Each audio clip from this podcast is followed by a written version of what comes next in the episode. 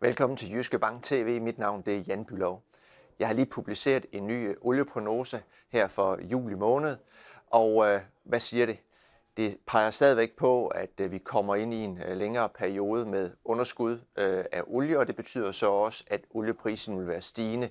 Øh, jeg sigter stadigvæk mod omkring øh, 100 dollar i brinttermer, når vi kommer øh, ind i andet kvartal næste år.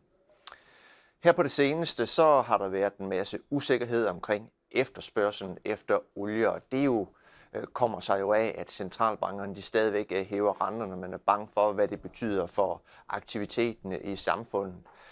Men når vi kigger på forventningerne øh, hos øh, alverdens økonomer, ja, så ser det stadigvæk ud til, at 2023, der vil verdensøkonomien vokse omkring 2,6 procent.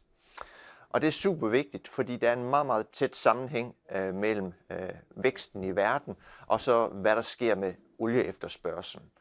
Og det betyder også, at øh, vi kommer efter al sandsynlighed til at se en ny rekord i efterspørgselen efter olie her i 2023. Det er sikkert ikke så mange, der går rundt og forventer det.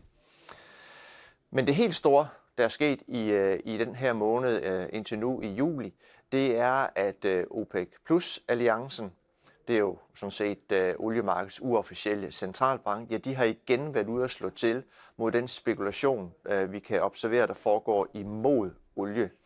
Der er rigtig store, øh, stor øh, short selling i øh, olie futures markedet over i, øh, på det amerikanske futures marked, og øh, det, det, øh, det ønsker øh, den her uofficielle centralbank overhovedet ikke øh, at se.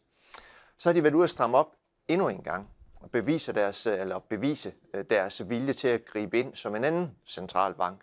Øh, faktisk så, så sammenligner de sig nu sig selv med det øh, tidligere ECB-chef Mario Draghi, han sagde det her, kendte noget under uroen tilbage under gældskrisen med whatever it takes. De her OPEC har så twistet den lidt og kalder det whatever is necessary. Uh, selvfølgelig en understregning af, at vi skal tage den seriøst, og det gør jeg i hvert fald.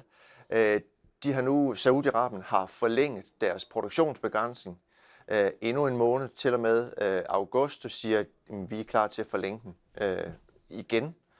Øh, Rusland, og det er også i et øh, modsvar til øh, den tvivl, der er omkring alliancens samarbejde mellem Saudi-Arabien og, og Rusland, ja, de har været ude at sige, at øh, for august måned, der skærer vi eksporten af råolie ikke produktionen, men eksporten sker de med en halv million tønder om, øh, om dagen.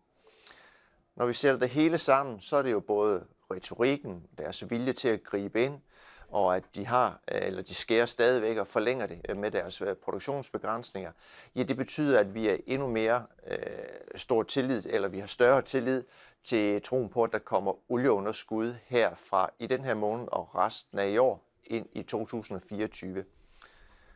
Får vi ret i det, øh, så betyder et olieunderskud jo, at øh, verden skal trække på olielagerne øh, for at få det hele til at balancere. Det betyder også, at oliebalancen bliver strammere, og øh, det betyder igen, som det vigtige, det er, at olieprisen vil være stigende, øh, sådan som jeg ser det. En sidste ting at tage med, det er jo også, at øh, øh, råoliens øh, pris, som vil være stigende i mit perspektiv, jamen det vil være med til at trække øh, dieselprisen, som jo er det produkt, vi mange af os bruger, at det vil trække den øh, med op af, når vi kigger i, ind i de næste 12 øh, måneder. Så i mit perspektiv, så fremstår dieselprisen øh, lige nu, at den fremstår stadigvæk øh, attraktiv, lavt prissæt, forward-kurven endnu lavere, og attraktivt at sikre sig øh, diesel for de kommende 12 måneder. Det var alt, hvad jeg har taget med. Ha' en god dag.